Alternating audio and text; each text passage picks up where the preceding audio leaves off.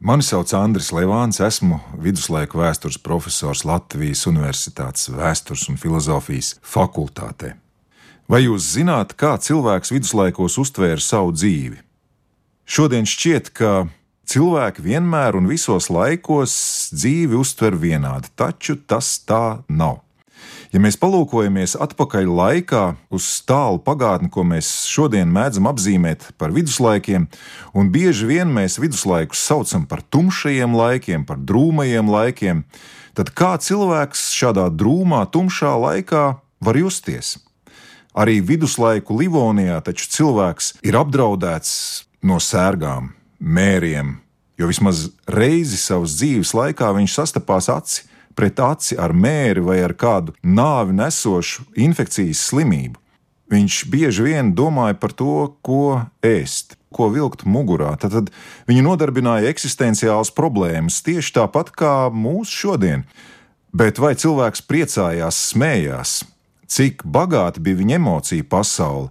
Tas, manuprāt, ir ļoti būtisks jautājums, domājot par cilvēkiem kādreiz. Un viņu vēstules, teksti, attēli, acīm redzot, ir vienīgās nepastarpinātās liecības tam, kas rāda, kā cilvēki ir jutušies, kā viņi ir uztvēruši pasauli ap sevi, kā viņi ir lūkojušies uz to, kas ir viņu dzīve, cik tā ir vērtīga, vai tieši otrādi, cik tā var būt arī nevērtīga. Ja mēs paskatāmies uz viduslaiku pasauli un cilvēkiem tajā, tad mēs redzam, ka tā ir krāsu piepildīta, skaņu pārpilna pasaule.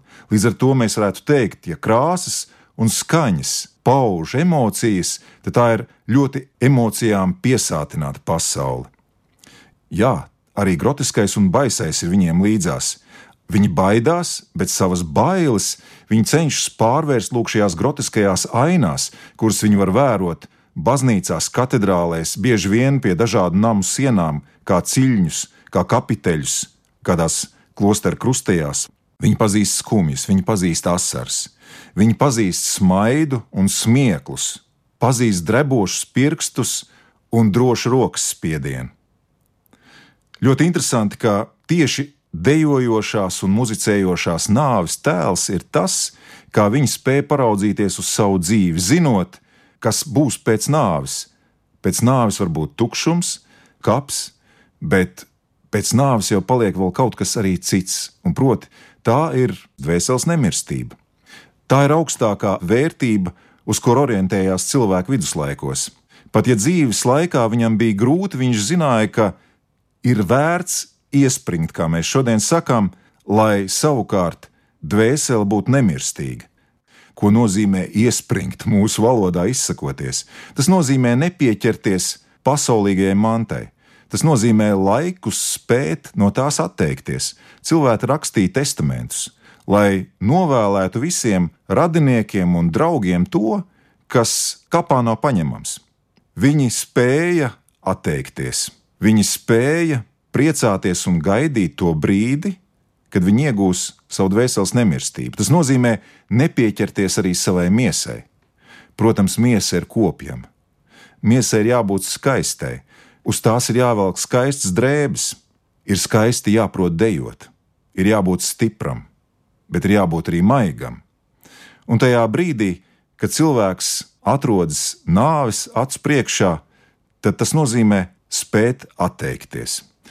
Un ļoti interesanti, ka tieši šādu perspektīvu mēs ieraugām Bernta Notkas nāves dejā, jeb miroņa dejā, kur mēs ar vienu šodien varam apskatīties Nigulists baznīcā, jeb Svētā Nikolai baznīcā Tallinā.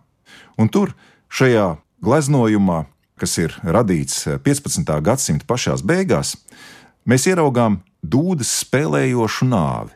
Un mēs redzam cilvēkus un stāvus, kas seko nāvei. No vienas puses baisi, no otras puses komiski. Cilvēki dejo kopā ar nāvi. Rindu dēļa, jeb reigens, ir ļoti simboliska forma, kā tiek attēloti šie dzīvotāji, dejotāji, tie, kas priecājas par dzīvi, un tāpat laikā viņiem tiek atgādināts par nāvi, no kuras tie neizmuks.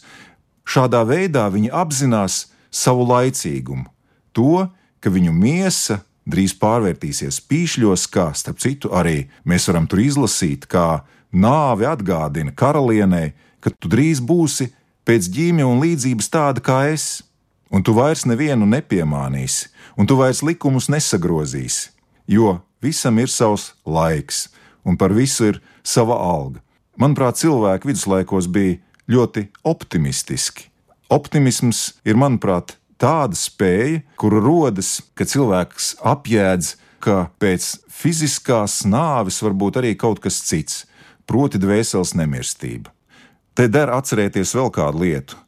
Šī bilde tappa laikā, kad cilvēki domāja par to, kā izvairīties, kā izsargāties no viena ļoti būtiska apdraudējuma, proti no sērgām, no mēra, no dažādām infekcijas slimībām, no epidēmijām lieta, kas arī šodien mums nav sveša.